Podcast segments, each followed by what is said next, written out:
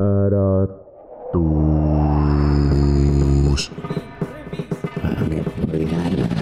jäi püsti palun. okei, vabalt ette. ta ei kuulub siia. sa pead filmi tegema sellest, mida sa isiklikult tead või tunned ja ohvitser, kes oli valgete sõrmenukkidega hoidnud armatuurrauast kinni, ütles ka, et oo, sa ikka annad. Tervist kõikidele vaatajatele ja kuulajatele. Te kuulate Sõdurilehe podcasti ja mina olen saatejuht kapral Grünberg. täna on saates lisaks minule režissöör, missiooniveteran, Kaitseliidu Toompea malevkonna eelmine pealik, ETV endine programmijuht ja kommunikatsiooniekspert. võib-olla te mõtlete, kas Stratkomi maja tehti nii suureks ja see laud tehti ka nii suureks, et need kõik inimesed siia ära mahuvad aga tegelikult mahub küll ja saaks isegi veel tulla. ja tänases saates on siis meil külas Ilmar Raag, tervist! tervist, ja need kõik äh, suurepärased ametid, mille ma juba siin ette loetlesin, kellena te ennast täna siin saates määratlete? kes te täna siin olete? no Sõdurilehe podcasti kontekstis ma ütleks, et ma olen äh, reservohvitser, et äh, kaitseliitlane ja jah, reservkapten, kui nii, kui soovite. aga kui, kui küsimus, küsimuse alla tulevad äh, muud teemad, siis äh, ma arvan, et ma suudan ka nendest äkki natuke rääkida. ehk siis juttu tuleb sellest, millest tuleb, mul on siin mõned teemad juba ette ka valmistatud, ehk siis õigel ajal olete õige inimene. ja miks mitte, võiks olla kapten, reservkapten, ka režissöör. Aga alustamegi siis algusest, et olete teeninud küll nagu Punaarmees ja hiljem astunud Kaitseliitu, et rääkige oma teekonnast, et äh, kuidas teist sai see, kes te praegu nii-öelda riigikaitseliselt olete? jah, Punaarmees teeninud, see on, ta on täiesti korrektne, aga et äh, minu sünniaasta puhul tähendas see seda, et äh, lihtsalt kutsuti ajateenistusse ja see on hu- huvitav asi, et ma olen hiljem mõelnud, et et miks küll mina, nii nagu rõhuv enamus tolleaegseid äh, noormehi, ikkagi läksid täiesti noh, nagu normaalselt äh, sinna Punaarmeesse aega teenima, ehkki seda keegi ei armastanud seda, ma ei ma vist ei tea ühtegi Eesti omaealist äh, meest, kes oleks tahtnud Punaarmeesse aega minna teenima. ma tean, et mõni, kus, mõni neid oli, aga noh, mina, mina neid ei kohanud. ja, ja samal ajal, kui ma täna peaksin hindama, siis ma mõtlen, et aga tegelikult me ju läksime teenima armeesse, mis äh, oli jätame Teise maailmasõja teemad isegi kõrvale, oli verre uputanud äh, Ungari ülestõusu viiekümne kuuendal aastal, kuuekümne kaheksandal aastal teinud sissetungi Prahasse, sõdi, samal ajal sõdis veel Afganistanis, et kõik sellised asjad, mille puhul me oleksime võinud ennast määratleda ka okupeeriva või sissetungiva agressorarmee sõdurina. aga see just nagu ei tundunud olevat äh, oluline küsimus. täpselt samamoodi nagu me kuuleme täna Ukrainast, kus äh, Vene armee on täis neid mobiliseerituid, kes äh, ei pruugigi seda sõda heaks kiita, aga nad arvavad, et lihtsalt äh, suure kroonu käsu vastu ei saa ja siis on nad lasknud endale selle relva kätte võtta ja kui nad on ühel hetkel lahinguväljal ja nende pihta tulistatakse, siis nad hirmust hakkavad ka vastu laskma. enesekaitse instinkt. jah, ja see ongi sõdade suur paradoks, et äh, armeedes kõige suurem mass sõdureid tegelikult ei ole fanaatiliselt selle oma poole või võidu eest väljas, nad on, nad on lihtsalt osa sellest äh, suurest sõjaväelisest massist. igal juhul, kui mina tulin kaheksakümne üheksandal aastal Nõukogude armee ajateenistusest ära, olles teeninud kaks aastat, siis ma arvasin, et mitte iial enam ei puutu ma kokku millegi militaarsega. ja seda enam õppisin ma tol hetkel Tartu Ülikoolis siis kunstiajalugu ja arvasin, et see on nagu enam-vähem kõige kaugem koht üldse, mis saab olla armeest. ja seejärel kümme aastat hiljem õppisin ma Ameerikas ja nägin ühte unenägu, kuidas üle Tallinna lendas rakett, mina jalutasin kusagil Viimsi juures ja rakett äh, tumeda mütsatusega kukkus kuhugi Tallinna kesklinna. ja unenäos ma ütlesin endale, ahah, sõda algas. ja kohe järgmisel hetkel seal unenäos küsin, aga mis ma siis nüüd teen? et äh, kuhu ma lähen ähm,, ja siis ma sain aru, et ma tegelikult ei tea isegi, mis relvad on parajasti Eesti Kaitseväes. Ja ma ei teadnud ka, mismoodi Eesti Kaitsevägi toimetab. ja see oli selline äratuskell, mille tulemusena nii kaks aastat pärast Ameerika õpingute lõppemist ja Eestisse tagasitulekut ma läksin reservohvitseride kursustele ja sain kohe alguses aru, et Eesti Kaitsevägi ja Punaarmee on kas või väljaõppelt väga-väga erinevad. Noh, kõige esimene asi, millest ei peagi nagu rääkima, et, et meie Eesti Kaitseväes ei ole kaugelt sellisel viisil ei ole dedovšinat, mis on siis selline karmikoeline ajateenijate omavaheline vägivald, noh mis, mis oli Punaarmees ikkagi igapäevane asi. ka mina nägin seda pealt ja, ja teisest küljest ka äh, väljaõppe läbiviimine selles suhtes ma ei mäletanud oma Punaarmee kahe aasta jooksul kordagi, et me oleksime relvi sisse lasknud. mis tähendab seda, et, et olin küll suhteliselt äh, eliitväeosas esialgu, kus ka iga nädal käidi laskmas, aga kordagi relvi sisse ei lastud, mis päris naljakas. ja ja ma ei teadnud ka kunagi, et noh, saja meetri peal see distants oli, märgid langesid alla, et kui märk oli alla langenud, siis ja, ja noh, järelikult ju siis sai pihta. ju siis sai pihta, eks ole. Aga kuidas see automaat tegelikult tulistas, ka lühikeste valangutega, ma ei tea. ja kui oli viimane nii-öelda proov või eksam teise aasta lõpus, iga poole aasta järel olid eks-, pooleksamid, siis äh, mina olin tol korral juba rühmaülema asetäitjaks tõusnud ja lasin esimesena seersandina. Minu viis märki kukkusid kohe alla, ma teadsin, et ma enam-vähem hästi, hästi lasen, tuju oli hea, läksin eemale ja siis tuli äh, ringkonna mingi kõrge ohvitser mu juurde ja ütles noh, et me teame, sa lähed nüüd ära jälle ja et äh, aga et äh, seersantidele me siis äh, tegime niimoodi, et ei peaks häbi tundma, me ise langetasime need äh, märgid alla. Ma mõtlesin, oi kurat. ja mina mõtlesin, et ma olen hea laskur, aga ja siis tuli ka üllatus, jõuame, jõudsin siis Eesti reservohvitseride kursustele ja see algab sellega, et me laseme relvi sisse.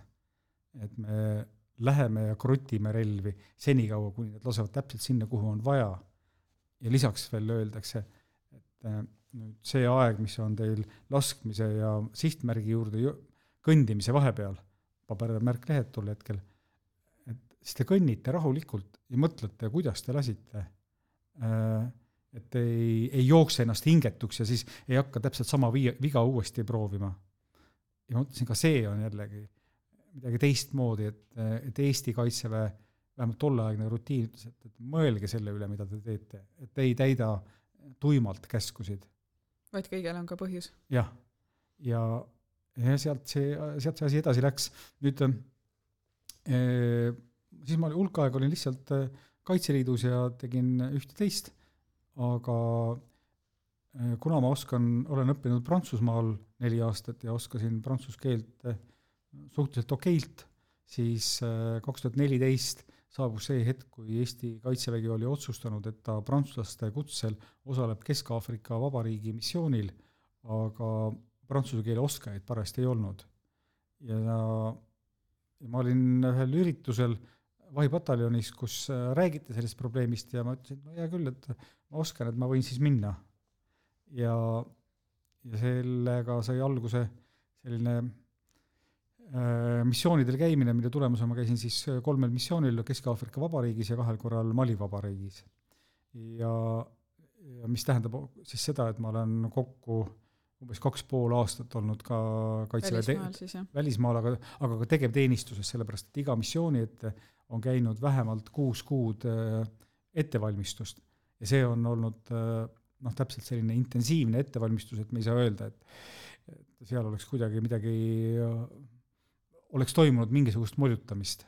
et ettevalmistus ongi olnud äh, niimoodi, nagu päriselt üks ettevalmistus peaks välja nägema aga siis, kui te Kaitseliitu tulid, siis äh, alguses olid äh, nagu ikkagi mingil määral nagu sõdur või juba alguses tulid äh, noh, reservohvitserina või siis seeruna sinna? Äh, ei, ma ei ole Eestis, ei ole seersant olnudki, et aga eh, loomulikult olin ma alguses sõdur, sellepärast et eh, ma läksin Toompea malevkonda ja tookord oli üheksakümnendatel aastatel Toompea malevkond oli selline natukene nagu vippide või ohvitseride malevkond, aga mis tähendab seda, et kui sul on, kõik on kõrged ohvitserid, no siis paratamatult sa kusagil peavad sõdurid ka olema. kusagil peavad sõdurid olema, järelikult äh, palun väga, et kõik sellised äh, lihtsamad äh, sõdurid või lihtsamad ohvitserid on sul sõdurid ja nii edasi. õige pea muidugi selgus, et päris need parketikindralid, et need ei viitsinud ka õppustel käia ja ja niimoodi see asi läks, aga ma arvan, et mis Toompea malevkonda puudutab, siis see oli malevkonna pealiku Jan Luki ajal otsustati, et otsustavalt, et me peame ikkagi saama nagu päris, päris sõjameesteks, et äh, lõpetame selle nagu vipinduse teema ära ja eesmärgiks oli lahingkompanii äh, moodustamine. noh ja praeguseks hetkeks on ma arvan, Toompea malevkond kogu Eesti kõige suurem male-, malevkond ja olles nüüd käinud äh, mitu korda Ukrainas ja näinud sealseid äh, terrabaroona ehk siis ka maakaitsesõdurit, siis ma arvan, et äh, keskmine Eesti Kaitseliidu väljaõpe, noh kindlasti Toompea väljaõpe on parem kui keskmisel Ukraina maakaitsesõduril. vahe on küll ainult selles, et mida me ei tea, on see kaitsetahe, mis on ukrainlastel nagu meeletult kõva noh, niimoodi, et kui seal on olnud olukorrad, kus kogu oma sõjaväelise väljaõppe ja teadmisega ma olen ikka paar mit-, kursust veel lisaks äh, reservohvitseride kursustele läbi käinud, ma ei saa aru, kuidas ukrainlased vastu peavad, aga nad ei jookse ära, nad on püsinud nendel kohtadel. Ja selle puhul äh, targemad mehed kõik ütlevad, et keegi meist ei tea täpselt, mismoodi me siis käi-, käitume, kui suurtükimürsud meie lähedal langevad ja ja seda, selle puhul ma ütlen ka, et äh, meie Kaitseliidu väljaõpe on täiesti okei okay,, aga kuidas me tegelikult ühel hetkel käitume, see, see seda siis veel, lihtsalt näitab olukord juba ette, jah. jah. aga te olete olnud, oleme olnud ka maapea, malevkonna pealik isegi, kuidas äh, see juhtus? Äh, see juhtus väga lihtsalt, et siis eelmine pealik leitnant Jan Lukk helistas ja ütles, et kuule, et ma lähen nüüd ära, et et äh, ole palun nii hea ja kas sa ei tahaks äh, pealikuks hakata.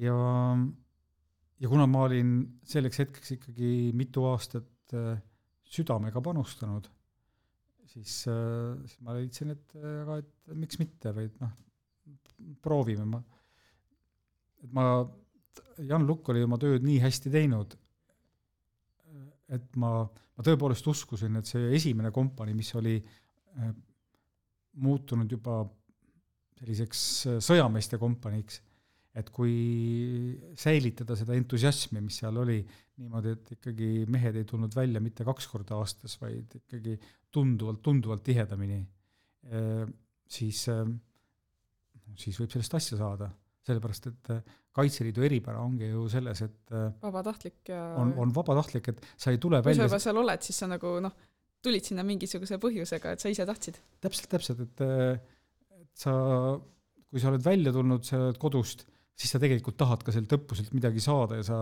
väga tihti ka teed iseendast oleneva, et midagi juhtuks. aga kui äh, lähen nüüd täiesti tei-, teisele eluküljele ja küsin, et kuidas teist sai äh, filmimaailmas see, kes te praegu olete ja missuguses noh, kas näiteks stsenaristi, režissöörina või ka isegi täitsa esseistina, et mis amet nagu sellisem kõige südamelähedasem on ja miks? see on muidugi vanem teema, kui on äh, militaarteema, sellepärast et et juba põhikoolis arvasin ma, et et see filmimaailm mulle meeldib, aga sellega oli muidugi see kummaline lugu, et ma läksin Prantsusmaale üheksakümnendate aastate alguses õppima filmiteooriat. sellepärast, ma ei saanud, ei olnud tol hetkel võimalust kuhugi nagu päris filmikooli saada. ja mul oli tookord kohtumine ühe prantsuse režissööriga, kes küsis, et okei okay,, et sa tahad saada filmi lavastajaks, aga äh, mis sa siis, mis su sõnum on, mis sa inimestele öelda tahad? ja see küsimus tabas mind tohutu üllatusena, et ei, aga noh, film on ju lahe. et me saame ju kõik aru, et teeme, teeme filmi, näitlejannad, kuulsad näitlejad ja mingisugused lahedad lood, võib-olla mingi märul ja nii edasi, ja siis järsku, et aga mis ma öelda tahan. ja see oli ilmselt murrangu koht, kus ma sain aru, et ega, ega filmiga paremal juhul ikkagi äh, lõpuks kõige paremini saavad hakkama need, kel äh,, kes suudavad filmides oma südamehäälega kõneleda, kellel on mingisugune päris oma teema või kelle, kellel on põhimõtted, millest lähtuvalt nad filme teevad. ja mõnes mõttes mul võttis see seejärel kümme aastat aega, enne kui ma need äh, põhimõtted sain päriselt äh, filmidesse rakendada, et film Klass tuli siis välja aastal kaks tuhat seitse ja ta, ta vastas kahele põhimõttele. esimene nendest on see, et, äh, et sa pead filmi tegema sellest, mida, mida sa isiklikult tead või tunned. ma ise Ameerikas, kui ma seal filmi õppisin, siis Hollywoodis äh, oli meil üks äh, stsenaariumiõpetaja, kes, kes rääkis hu-, huvitava loo, ta ütles, et, et mulle tulevad tihtipeale noored inimesed siia stsenaariumi kirjutamise klassi ja kõik pakuvad kohe mingisuguseid märulistsenaariumeid või äh, sci-fi äh, stsenaariume ja ma loen neid ja ma saan aru, et nad tegelikult ei tea, millest nad kirjutavad. Nad ei tunne seda maailma ja nad ei tunne ka oma tegelasi ja ma ütlen, et kuulge, et lõpetage ära, et äh, jama, vaataja ka ei huvitu sellest, et te arvate küll, et äh, see on ilgelt lahe, aga tegelikult kui vaataja seda vaatab, ta tunne, tunneb selle tühjuse samamoodi ära. mingi mõte peab nagu taga olema. isegi mitte mõte, aga sa pead äh, nii instinktiivselt seda maailma tundma, et sa siis, isegi kui sa seda, sellest ise aru ei saa, sa saad mingile närvile pihta mm. -hmm. ja ta ütles, et aga nii, kirjutame nüüd kõik algusest äh, mingisuguse loo sellest äh, maailmast kus tegevus toimub seal, kus te olete ise olnud. kui ma õpetasin Eestis stsenaristikat, siis ma kohtasin ka üliõpilasi, kes kirjutasid mulle lugusid, kus kõik tegelased olid äh, Johnid ja Jane'id ja noh, mingisugune asi, mida nad olid välismaa filmidest näinud. Ja ma sain ka aru, et see kuidagi nagu ei tööta. ja sel hetkel, kui nad otsustasid ühe, avada mingisuguseid saladusi, mis on nende endal kusagil hinges, see film hakkas ka rahvusvaheliselt töötama. noh, klassifilm on klassikaliselt selline näide, kus äh, Äh, noored inimesed tol hetkel andsid äh, tagasisidet ja rääkisid lugusid, mis, äh, mis nende teada oli, mida nad ise olid näinud ka oma koolis, oli vahetult koolivägivallaga seoses juhtunud ja ja ma pean nüüd ütlema, et ükski mu film ei ole rahvusvaheliselt nii laialt levinud kui see lugu, mida tehti nagu päriselt sündinud lugude põhjal, kus see inimeste see värin oli seal sees ja teine äh, põhimõte lisaks sellele, et sa tead seda keskkonda, on see, et äh, sul peab olema ka mingisugune väga selge arusaamine äh, sellest samast sõnumist, et miks sa seda filmi teed. Ja sealt edasi ma ütleks, et kui need kaks punkti olid paigas, siis palun väga, siis tulid filmid kuidagi juba nagu iseenesest. aga mis mis üldse inspireerib sind filmi tegema, et sa mainisid juba, et oled käinud Prantsusmaal õppimas, oskad prantsuse keelt ja ka Eestlanna Pariisis on ju sinu film nii-öelda, et kas äh, ongi mingi kindel asi või siis inspireeribki Prantsusmaa näiteks üks, ühe asjana? ei, see Prantsusmaa iseenesest äh, noh, sellisena ei inspireeri, aga äh, see lugu Eestlane Pariisis põhimõtteliselt oli minu ema lugu, kui ta käis Prantsusmaal ühte rikast vanadaami põetamas. ja noh, see lugu seal filmis on nüüd natukene pehmem, kui ta reaalsuses oli, aga aga ma tundsin järsku, et nagu päriselt juhtunud lugu oligi kõige huvitavam asi, mida ma tahtsin rääkida. seal see paradoks oli tol hetkel selles, et et see vanadaam kõigepealt tahtis ennast tappa ja sest ta oli nii vana ja haige ei viitsinud elada, aga kui talle toodi põetaja, siis ta leidis elujõudu sellest, et võitles selle nimel, et ta saaks enda õiguse enna, äh, ennast ära tappa. aga selle käigus muutus ta järjest äh, vitaalsemaks, järjest vähem ra-, tarbis ravimeid ja ühel hetkel sai aru, et, et nagu see suures enesetapu soovis oli ta nagu oluliselt nooremaks muutunud ja rõõmsamaks ja, ja elu läks ilusaks. ja mõtlesin, noh, väga, väga lahe väga mõte. hea sõnum ju tegelikult, mida anda selle filmiga edasi. täpselt, täpselt. minu film Kertu oli siis samamoodi, et et Saaremaal kuulsin äh, sugulaste kaudu äh, kaks lugu, mis äh,, mis ei juhtunud küll täpselt nendega, aga aga siiski nagu päriseluline lugu ja ma sain, noh, kuulan seda ja mõtlen, et noh, kõige põnevamad asjad juhtuvad tegelikult äh, meie ümber.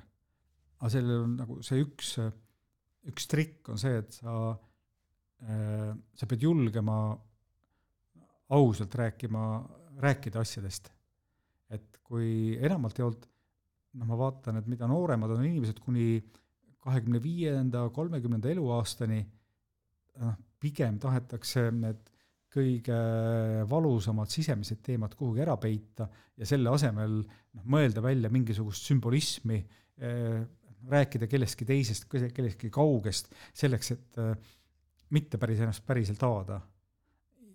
ja alles natukene vanemaks saades, siis siis tuleb see ausus päriselt koju. aga kui rääkida nüüd niisiis sellest äh, filmimaailmast kui ka sellest, et te olete riigikaitsja, siis äh, üks hetk siis äh, te oma selles äh, nii-öelda filminduse karjääris astusite Kaitseliitu äh,. kuidas see üldse teie seda karjääri ja teekonda on mõjutanud, see, et te olete ühtlasi ka kaitseliitlane? Ma arvan, et filmikarjääri ta ei ole suurt midagi mõjutanud, et äh, ma olen küll ühte telesarja natukene teinud, kus ma ise ei olnud stsenarist, vaba, Vabad mehed, aga noh, pigem oli see vastupidi, et et see oli üks filmiinimeste pidu, kus arutati, et ähm, kas äh, loomingulised inimesed, et kas need võiksid äh, suuta vastu pidada sellises äh, militaarses olukorras, tookord, et, et kas me võiksime Erna retke, mis on praegu sama, mis oli Pitka retk, äh, Pitka retke eelkäija oli siis Erna retk, see on suur patrull, äh, luurepatrullvõistlus, mis, kus umbes kolme päevaga läbitakse keskmiselt sada kakskümmend, sada viiskümmend kilomeetrit jala. ja, ja siis olid seal nagu sõbrad, kes mõtlesid, et aga noh, tegelikult me ju ei, ei ole kehvemad. ja puhtalt selle jaoks, et siis ära tõestada, et need nii-öelda loomeinimesed suudavad sedasama asja teha, siis me panime oma pundi kokku ja tegime, tegime trenni ja, ja ma ei saa ütelda, et see oleks väga lihtne olnud. loomulikult äh, see päris Erna retke läbimine, mis, äh, kuhu ka ma siis ühel hetkel jõudsin, tähendas seda, et, äh, et viimasel öösel äh, ma ei saanud saapaid jala, enam jalast ära, sellepärast et jalad olid nii üles paistetanud, aga mul oli tuttav kirurg andnud valuvaigisteid ja siis ma neid, mida siis haiglas enne operatsiooni antakse sisse või midagi sellist. ja ma võtsin need sisse ja, ja siis need viimased kümmekond kilomeetrit kõndisin niimoodi, et mõtlen hmm,, huvitav, et jalad üldse enam ei valuta, et aga mis siis noh, niimoodi võiks siis võiks ju nagu, veel viiskümmend kilomeetrit kõndida. ja siit võiks nagu lõpuni edasi minna ja, ja, ja ka lõpujooks möödus suhteliselt ludinal, ainult et äh, kui ma need saapad siis ühel hetkel ka jalast kätte sain, ma arvan, et noh, mingi pool päeva hiljem, siis äh, siis paisut- äh,, paistetasid need jalad niimoodi üles, et ma ei saanud nädal aega ühtegi kinga ega tossu enam jalga panna siis oli ka väga valus. Ja siis see äh, kirurg ütles mulle, et nojah, tegelikult see ongi ohtlik, sellepärast et selline valuvaigist, ta võtab äh, et kõik valuaistingud niimoodi ära, et sisuliselt sa võiksid oma jalad nagu otsast ära kõndida, sa ei tunnegi seda, aga kui see oleks nagu väga jõuliselt tehtud, siis äh, võib see, need jalad ka nagu lõplikult ära rikkuda. aga tulles nüüd tagasi siiski selle loome, loomeinimeste ja riigikaitse juurde et mis sa arvad, kas, kuidas üldse nagu loomeinimene riigikaitsjana teistest erineb äkki tal on isegi mingisuguseid äh, eeliseid? või just äh, hoiab mõnikord inspiratsioon millegist asjast tagasi või kuidas sa oled tundnud ise ja teisi näinud? praegu on Ukrainas üks äh, filmirežissöör, Ukraina filmirežissöör, kes on öelnud, et et kui sõda algas, siis läks ta kodumaad kaitsma, aga ta põhimõtteliselt ei võta kaamerat kätte selleks, et äh, noh, mitte, mitte lasta ennast äh, kuhugi kõrvale viia sellest peamisest teemast, et äh, sõda on vaja ära pidada. Ja sellest tuleb ka välja võib-olla kõige, kõige olulisem on see, et et noh, ei ole sellist asja nagu lihtsalt loomeinimene. loomeinimesed on täpselt sama erinevad kui kõik muud inimesed, et et on seal selgelt pehmemaid inimesi ja selgelt ka selliseid järsemaid või või mis iganes, kus, kusjuures noh, näiteks ma toon selle näite, et et mitmed väga tugevad ja kuulsad loomeinimesed ei ole inimestena iseenesest üldse meeldivad. Nad on üsna autoritaarsed, nad on väga jõulised, nad on valmis noh, läbi tule ja vee minema, et oma seda tahtmist saavutada, eriti kui sa pead suuri organisatsioone juhtima, noh näiteks dirigendid et öeldakse, et noh, korralik dirigent saab olla ainult psühhopaat, kes kehtestab ennast ikkagi ühe korraga sellele kolmekümnele, neljakümnele või viiekümnele inimesele. ja see on juba peaaegu juba nagu mingi rühmajuht. no täpselt, täpselt ja mina leian, et filmi võtted on kõigepealt logistika nagu suur saavutus, et kui sa lähed võtteplatsile, siis sa tänapäeval, sa seal kohapeal suurt midagi ei leiuta. kõik see töö on eelnevalt ära planeeritud kuni, kuni viimase detailini heal juhul ja sellisel juhul seal kohapeal ongi selle rühma või kompanii juhtimine, et kuidas sa seda asja siis parajasti teed. aga kui rääkida veel just äh, sinust kui äh, filmitegijast ja riigikaitsest, kas äh, sellega seoses on sul olnud kunagi ka mõni mõte, et teeks mingi sellise sõjafilmi valmis? on küll äh,. sõjafilmi tegemisega on on esimene probleem see, et see on meeletult kallis film. et kõiki teisi filme lihtsalt on lihtsam teha sellepärast, et nad maksavad vähem. et meil on Eestis no esimese probleemina muidugi tuleb mängu meie väiksus ja selle tulemusena on selliseid suuri või neid sõjafilme, mis näevad välja kui sõjafilmid, on tehtud äh, umbes kord iga viie aasta tagant või vahel isegi veel harvemini ja siis enamasti Kaitseministeeriumi toetuse abiga, sellepärast et äh, et kui võtta lihtsalt äh, Kultuuriministeeriumi filmitoetuste raha või siis erasektorist tuleb sponsorite raha, siis enamalt jaolt sellest ei piisa. no seda enam, et et ka nende plahvatuste ja muude tegemiseks on ikkagi ka Eesti Kaitseväe abi igal juhul vaja. ja, ja ma pean tunnistama, et et mul on täiesti omad sõjafilmi stsenaariumi mõtted olemas, aga, aga ma ei ole jõudnud päris nii kaugele, et sellest peenikesest torust neid äh, läbi suruda, ehk äh, noh, ma arvan näiteks, et tuhat üheksasada nelikümmend neli on sõjafilmina täitsa hea, aga minu meelest täpselt see sõjafilm, mis räägiks sõjast nii, nagu mina seda näen, seda veel Eestis tehtud ei ole, nii et ma tegelikult arvan, et, et ma tahaks küll ühte, ühte sõjafilmi teha, mis, mis kujutaks seda minu nägemuse kohaselt. kui palju seda näiteks on mõjutanud see sinu enda missioonikogemus, et olete ise olnud ka põhimõtteliselt sõja enda keskel? jah, ma arvan, et äh, minu nägemus kindlasti on seotud äh, nii hästi missioonikogemusega kui ka äh,, kui ka näiteks õppusega Kevadtorm mis on võib-olla meil kõige ligemal sellele, mis nagu päriselt mis nagu päriselt on. ma paar aastat tagasi olin äh, Prantsuse siis soomuskompanii juures vahekohtunikuks.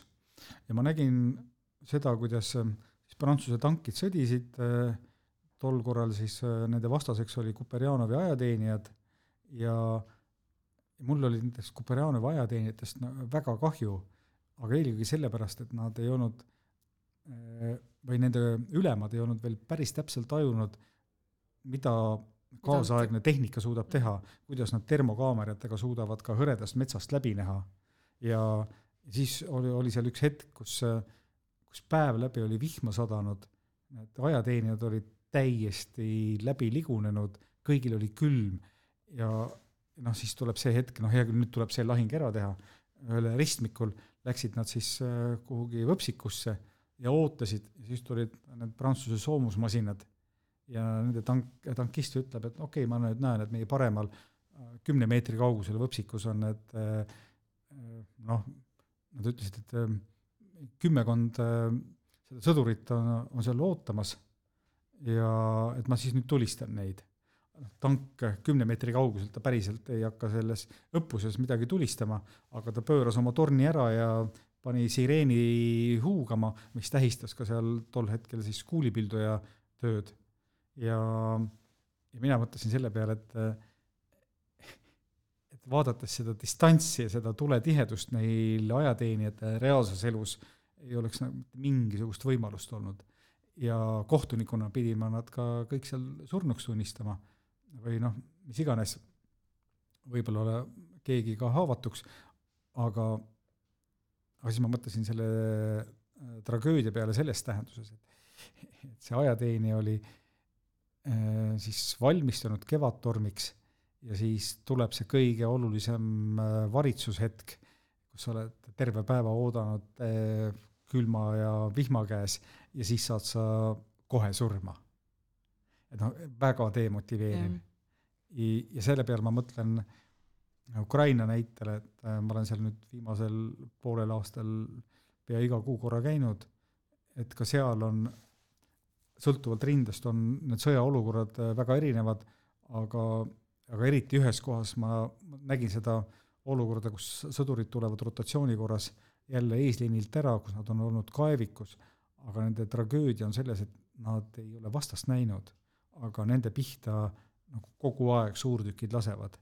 Ja sa mõtled, et nemad ütlevad, et aga miks me seal oleme mida me teeme seal? mida me teeme seal, me ei, me ei saa ju sõdidagi, lihtsalt me istume ja loodame, et äkki pomm meie peale ei kuku. jah, automaadiga ju siukse pommirahe vastu ei tee ju mitte midagi põhimõtteliselt. ja seal stepis sa võib-olla näed, viies, viie kilomeetri kaugusel on vastase tank. aga, aga need relvad, mis sul on käes.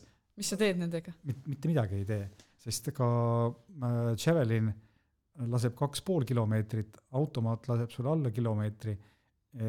noh siis sa lihtsalt lased tankil ennast tulistada eemalt ja sa peitud sinna kaevikusse.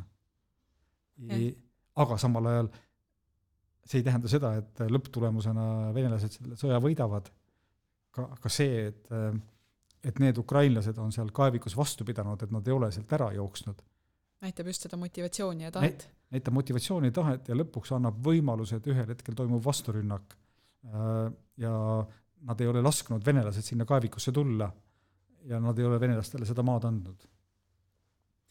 aga kui veel küsida üks viimane, tekkis üks niisugune huvitav küsimus seoses äh, selle sõjafilmidega, et äh, kui ma tulin teenistusse ja õppisin ka, noh, õpin ka praegu, just sellist äh, taktikalist tegevust nii-öelda maastikul siis, ja kui ma vaatasin ise mingisuguseid sõjafilme või siis üldse filme, kus mingil määral on kokkupuudet niisuguse militaarmaailmaga, siis ma järsku hakkasin nägema nii palju nagu erinevaid taktikaid ja ka mingil määral siukseid noh, taktikavigu, näiteks inimesed noh, tõusevadki püsti, aga ei kontrolli, mis nende ümber on või lasevad lihtsalt palja käsi ilma kinnasteta, et kuidas sa oled nagu ja. sõdurina vaadanud, kas sa näed, vaatad ka neid Hollywoodi filme, vaatad, issand jumal, nagu mida nad korraldavad seal või kuidas see on olnud?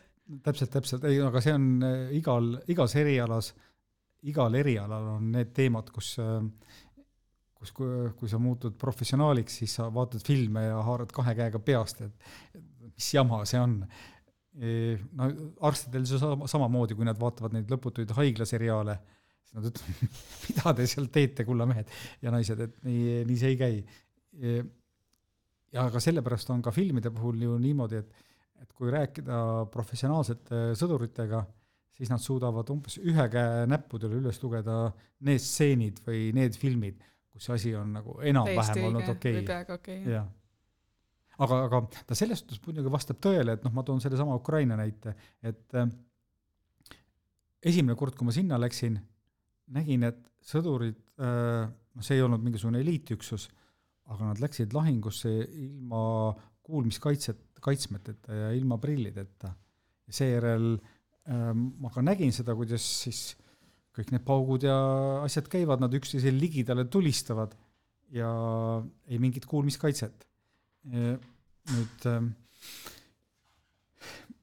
okei okay,, filmidest võib-olla me sellest ei räägi, aga sealt siis edasi vaatasin, kas, kuidas nagu näpp on, aga näpp oli neil ikka valdavalt kogu aeg päästikul. Ei olnud sellist nagu päästikult öö, ületoomist. ja nüüd siis ütleme, et kui me näeme sõjafilmi ja seal mehed jooksevad ringi, et neil on näpp kogu aeg päästikul, tahaks juba ütelda, et kuulge, kas need ei ole väljaõpet saanud või milles asi on. ei, siis tegelikult ongi niimoodi, et, et reaalses elus väga paljud sõjamehed käituvadki väga valesti aga tavaliselt oleme podcastis teinud ka teemade vahele ühe sellise natuke mängulisema või niisuguse põnevama osa. Ja täna on selleks kümme küsimust. ehk siis küsingi kümme küsimust, kõigile saab vastata väga lihtsalt ja väga lühidalt. ja ongi see, et üritaks äh, tehagi niimoodi, et äh, ma küsin ja siis sa vastad ja siis ütleme niimoodi, et äkki ongi, teeks maksimaalseks piiriks kaks lauset. mm. -hmm. ja esimene küsimus on, et peaksite praegu valima ühe laulu, mida kuulata, mis see oleks ja miks?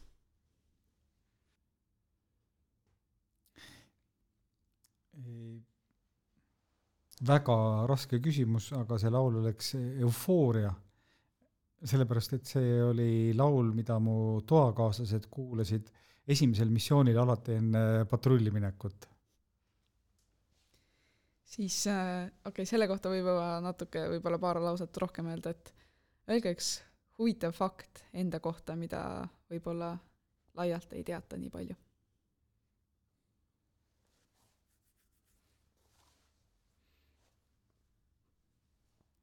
Selle peale kõigepealt siis joon äh, klaasi lonksu vett.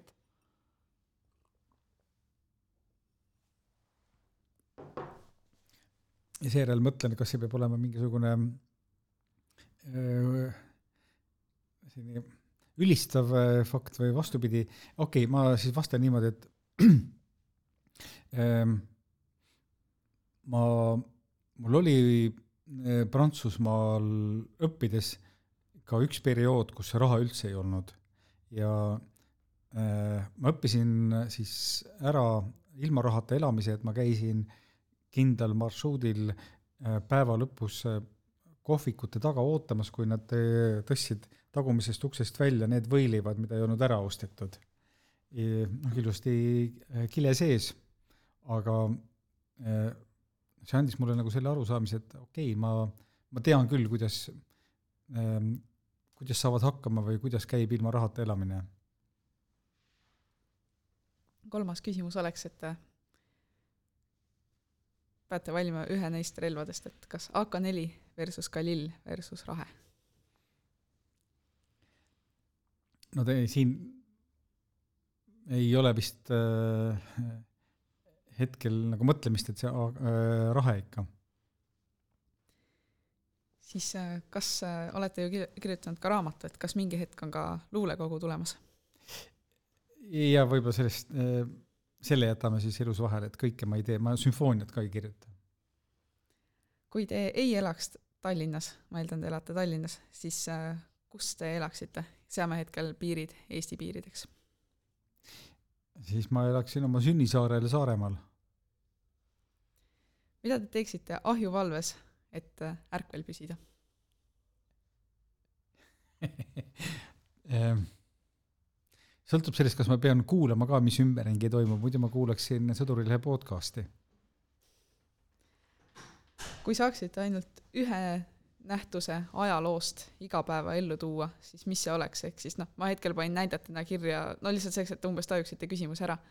et äh, näiteks naturaalmajandus või liikmeline ainult hobustega ühiskonnakihid, põllumajandusühiskond või mingi rahvariiete igapäevane kandmine, et mis oleks selline ajalooline nähtus, mis võiks nagu praegu ka eksisteerida?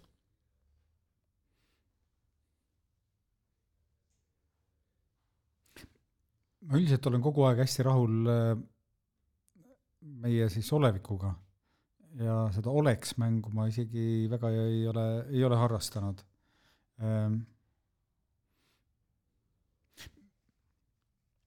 Mul tegelikult, mulle tundub, et on, oleks päris kasulik, kui äh, kõikidel noortel inimestel oleks äh, nutimaailma eelne elukogemus. ehk et äh, kuni kaheksateistkümnenda eluaastani elu ilma mobiiltelefonita. mis on üldse kõige ohtlikum olukord, kuhu te olete sattunud?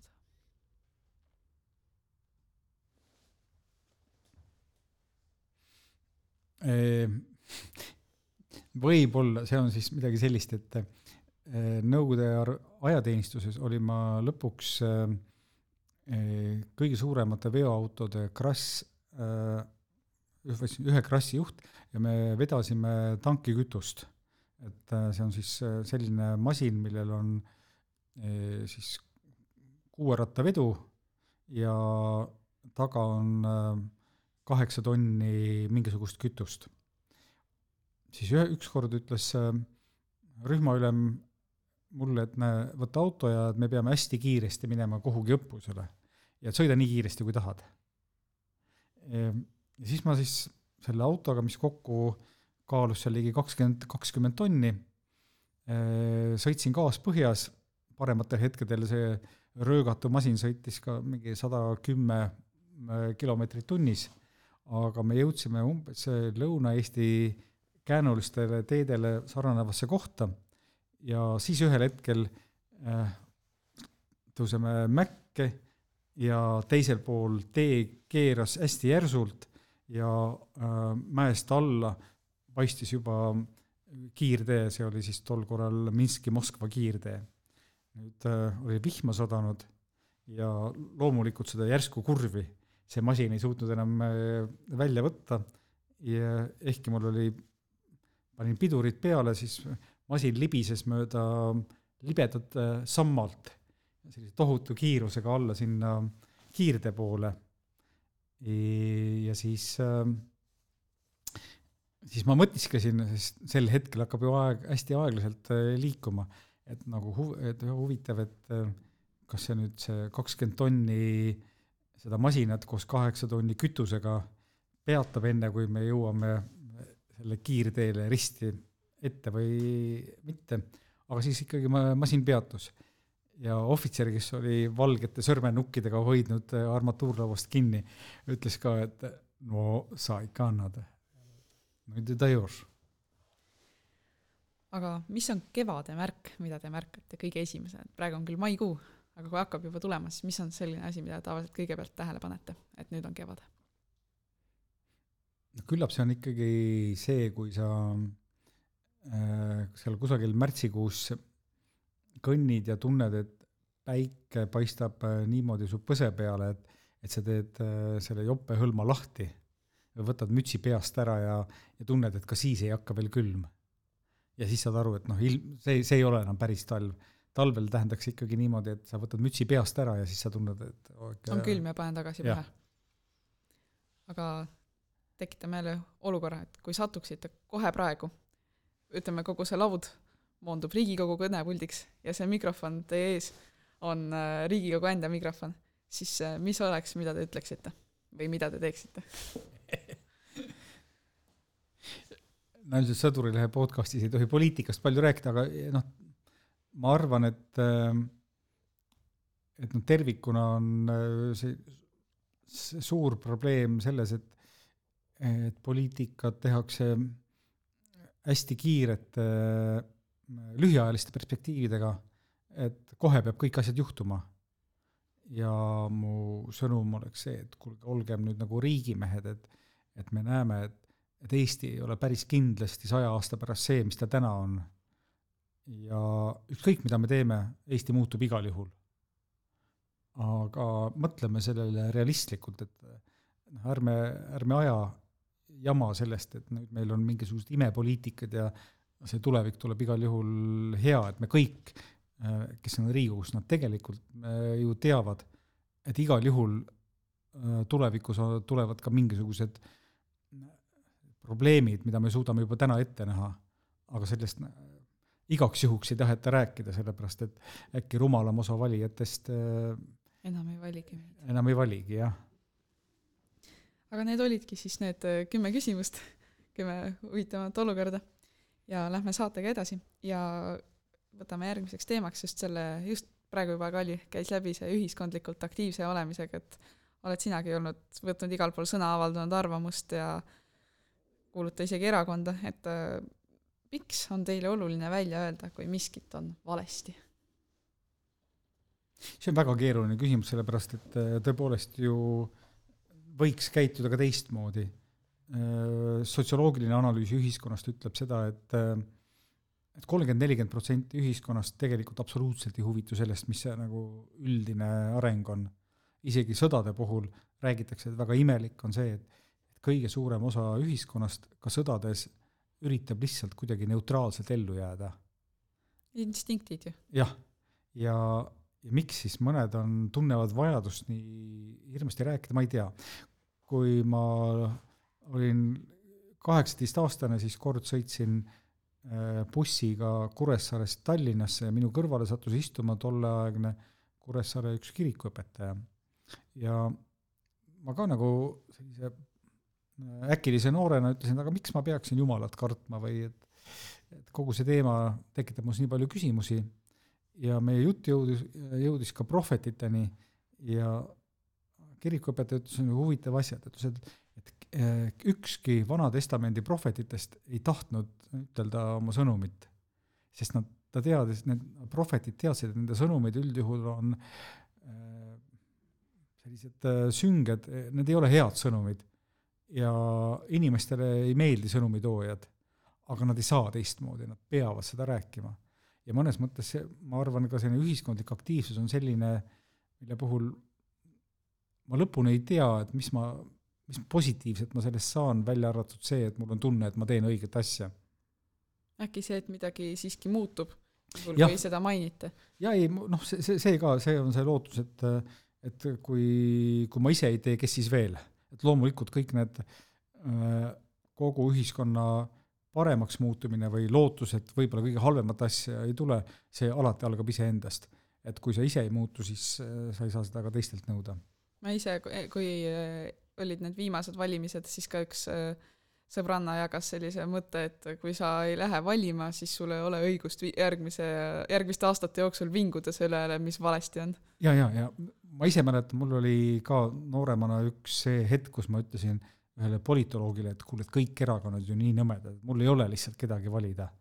ja siis tema ütles, et noh, sul võib ju põhimõtteliselt olla õigus, aga ega reaalne poliitika ei olegi see, et sul on see noh, üks äh, õige ja väga hea valik, et noh, reaalselt äh, sa peadki valima võib-olla halva ja väga halva vahel. Ja sellisel juhul sa võib-olla tahad, et see väga halb ei realiseeruks. seetõttu sa pead äh, oma aktiivsuse rakendama selleks, et et sellest keerulisest olukorrast mingisugune, mingisugunegi lahendus välja võluda. aga kui rääkides just sellest, et äh, kuidas seda oma sõnumit edasi öelda, siis äh, kas sa oled pigem selline, kes tahab öelda seda just nagu suuliselt edasi, ehk siis avaldadagi näiteks kas või mingit taolises saates arvamust või pigem see, kes kirjutab just artikli, et kuidas sa nagu tunned, et sul on ennast parem väljendada? et tahaks nagu minna maailma muutma, kas ma ütlen seda otse välja või ma panen selle paberile? minul endal tuleb kirjutamine mõnes mõttes natuke paremini välja ja seda sellepärast, et ta äh, lubab need sõnad korralikumalt läbi mõelda. ma olen aru saanud, et äh, suulises kõnes me tihtipeale ütleme välja asju, mida me tegelikult ei mõtle, lihtsalt et sõnad on kiiremad kui mõte. ja, ja seetõttu siis, kui sa annad ka sellise intervjuu, mida sa pead nagu eksprompt või kiiresti improviseerides tegema, siis tihtipeale inimesed pärast räägivad, et ei, ei, ma üldse ei mõelnud seda tegelikult ju niimoodi, te saite minust valesti aru. no see on sama asi, mida me tihtipeale lihtsalt inimestega rääkides äh, kuuleme, et me ütleme midagi ja inimene selle peale reageerib just nagu täiesti ebaadekvaatselt või valesti, me saame aru, et ta lihtsalt sai meist valesti aru. ja see tuleb sellest, et äh, et kui me need sõnad paneme pärast paberile, siis me saame aru küll, et ahaa, jah, sellest võis küll teistmoodi aru saada ähm,. niimoodi, et ma, mulle meeldib kirjutada, aga ma olen aru saanud, et, et loomulikult kirjasõna levib tunduvalt vähem kui, kui suuliselt räägitud sõnum. ehk et, et kui tahta siis päriselt inimesteni jõuda, siis, siis tuleb läbi mõelda, mida sa räägid ja seda teha. seda ju ka õpetatakse siis nagu suhtlus või ütleme siis niimoodi, et et meediakursustel õpetatakse seda, kuidas kaamera ees rääkida või kuidas mikrofoni rääkida ja see algab sellest esimesest äh, põhimõttest, et sa pead olema läbi mõelnud, mida sa ütled. et kui sa lihtsalt lähed puusalt tulistama, siis üldiselt äh, mingisugune kala tuleb sinna ikka sisse. aga väga palju ju avaldatakse siis noh, nii heameelt kui pahameelt, kui jagatakse sõnumeid ka siis noh, sotsiaalmeedias. et äh, mis sul arvamus sellest on? jah, noh, ma arvan, et see jõuab ka kaugele ja paljude inimesteni. jõuab küll, aga sotsiaalmeediaga noh, esimene asi on see, et noh, näiteks kui vaadata postitusi ja kommentaare, siis selline hea soovitus on mitte reageerida kommentaaridele. sellepärast, et iga sinu originaalpostitus on alati tugevam ja jõuab kaugemale kui see, et sa hakkad seda lahjendama mingisugustele komment-, kommentaaridele vastamisega. ja seda enam, et kui on seal tegevuses trollid, siis äh, no iga, iga trollile vastamine tegelikult ju võimendab neid. niimoodi, et, äh, see sotsiaalmeedia on tä-, täiesti okei okay variant, aga ma arvangi, et sotsiaalmeedia puhul kõige olulisem on see, et et äh, jää oma sõnumite juurde ja et äh, mit-, mitte igale asjale ei pea kohe reageerima ja pigem ei pea, ei pea reageerima sellistele väga noh, väga selgelt emotsionaalselt provokatiivsetele rünnakutele. aga rääkides veel sotsiaalmeediast, siis see on praegu ju üks nii-öelda vahend, mida täitsa hetkel ka ju sõjapidamises kasutatakse, et kuidas seal nende sõnumite levimisega on, et sageli noh, võib-olla mõnikord jõuabki esimesena video nagu sotsiaalmeediasse sellest, mis toimus, kui see, et äh, ametlik meediakanal paneb selle üles. ja, ja ei, noh, praegu niimoodi ongi, et ka jällegi Ukraina sõja näite varal me näeme, et kuidas erinevad äh, podcast'id ja erinevad sotsiaalmeediakanalid tegelikult juhivad kogu diskussiooni. ja, ja noh, ei saa nüüd öelda, kas see on halb või hea lihtsalt äh, mööname, et nii see on, aga ta on äh, kaasa toonud selle, et tegelikult on vaatajad-kuulajad on killustunud, et kõike ei jõua enam jälgida. See tähendab, et mingisugune osa sellest informatsioonist jääbki sulle äh, haaramata ja samal ajal, kui sa ise soovid olla seal suunamudija, siis kõige esimene küsimus on see, et kas sul on mingisugust originaalset sisu sinna pakkuda. mis paneks inimesi kuulama, vaatama ja uurima sellepärast noh, noh sellepärast toome võib-olla selle näite, et mida, mida me praegu Ukrainas näeme, et et ametlik äh, armee pressiteenistus ei ole kõige äh,, kõige edukam, sellepärast et äh, OPSEC-ist või millest iganes tulenevalt äh, nende sõnumid on natukene ümmargused alati. ja samal ajal siis need just nagu vähem äh, kontrollitud suunamudijad või muud tegijad, et nemad saavad endale lubada mida iganes ja selle tõttu nend-, nende auditoorium on tihtipeale suurem. Mis esitab siis nagu väljakutse, et et noh, kuna ei tegutseta enam klassikalises ajakirjandusmaailmas, kus aja, ajalehtedel on teatud ajakirjandusstandardid olemas, vaid tegutsetakse äh, selles sotsiaalmeediamaailmas, kus reeglid just nagu peaaegu ei olegi, siis, siis ka armee, kaitseväe pressiteenistus peab mõtlema, et, et kuidas konkureerida selles maailmas, kus teine pool elab ilma reegliteta el,. elab ilma reegliteta, jah. sest et ühel hetkel ju vaatajaid ju tegelikult reeglid ei huvita. vaataja läheb selle peale, mis teda emotsionaalselt kõige enam pingestab. mis tundub põnev ja mida nagu tahaks vaadata ja, ja aga kui tulla veel korra selle Kaitseliidu juurde, siis äh, ma olen ise märganud, et äh, kaitseliitlasi noh, väga-väga laias laastus on nagu kahte tüüpi. et ühed on sellised, kes ongi nagu üldiselt ühiskonnalikult aktiivsed ja teevad kõike, jõuavad igale poole, kellel tõenäoliselt tööpäevas on rohkem kui kakskümmend neli tundi. ja siis teised on jälle äh, ja siis noh, ütles siis need, kellel on rohkem kui kakskümmend neli tundi, siis nemad noh, muidugi tulihingiliselt on ka riigikaitsjad aga, ja siis teine kontingent on nagu selline, kes, kes ka on see, et noh, et tahaks nagu Eesti, olla ikka Eesti eest ja teha seda Kaitseliidu asja, aga samas tahaks pigem nagu jääda varju, et teie või sina kui kaitseliitlane, siis äh, kuidas sinu kuulumine Kaitseliitu on mõjutanud seda ühiskondlikult aktiivset olemist? see on ju ka mingi, mingil määral nagu vorm teha seda. jah, ta, ta on selles suhtes, ta on see, ta on tähendanud mulle seda, et äh, kui ma olin, kui ma sain Toompea malevkonna pealikuks, siis see tähendas seda, et ma puhtalt selle positsiooni tõttu ei saagi enam varjata, et ma olen kaitseliitlane. ja see oli, see oli siis asi, mida tuli omaks võtta. ehk et äh, omaksvõtu parim vorm on sellest uhkust äh, tunda, et oled kaitseliitlane. ma arvan, et see on iseenesest, see on selline, on pigem nagu hea, et ühesõnaga kokkuvõttes oleks hea, kui kõik kaitseliitlased tunneksid äh, oma Kaitseliitu kuulumise üle avalikult uhkust, sellepärast et see julgustab ka neid, kes, kes muidu võib-olla jääksid neutraalseteks. noh, ma arvan, et iseenesest üks kõige suuremaid väljakutseid üldse on nende neutraalsete inimeste kaasaaitamine või kaasahaaramine.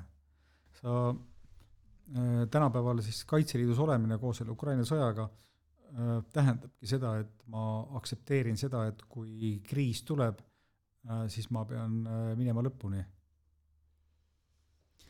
aga aitäh selle jutuajamise eest, et äh, sai väga palju teemasid äh, ära räägitud ja selgemaks. kui küsiks veel ühe küsimuse lõppu, siis mm -hmm. mis on järgmine film, mis teil välja tuleb? ma ei tea täpselt, sellepärast et filmidega on niimoodi, et sul võib olla mingisugune idee, aga sa ei tea, millal see idee lõpuks raha saab. et filmide teoks tegemise periood võib olla teinekord mitmeid-mitmeid aastaid. et mul on küll äh, sellised äh, žanrifilmid äh,, mingisugused thrillerid, aga ma tahaks ühel hetkel ka ühe sõjafilmi ära teha, et see on tõsi. aga selline oli siis tänane Sõdurilehe podcast. aitäh, Ilmar Raag, et siia tulid, juttu ajasid. ja aitäh ka kõigile kuulajatele, kes meid kuulasid ja vaatasid. kui teil on endal mõni teema, mida te sooviksite kuulata või keegi inimene, kellega juttu ajada, siis andke sellest meile kommentaarides märku. ja jälgige siis Sõdurilehe tegevusi ka Facebookis, oleme Sõdurilehe nime all ja Instagramis oleme at kaitsevägi.edf. aitäh teile kõigile ja näeme järgmises episoodis. aitäh kutsumast!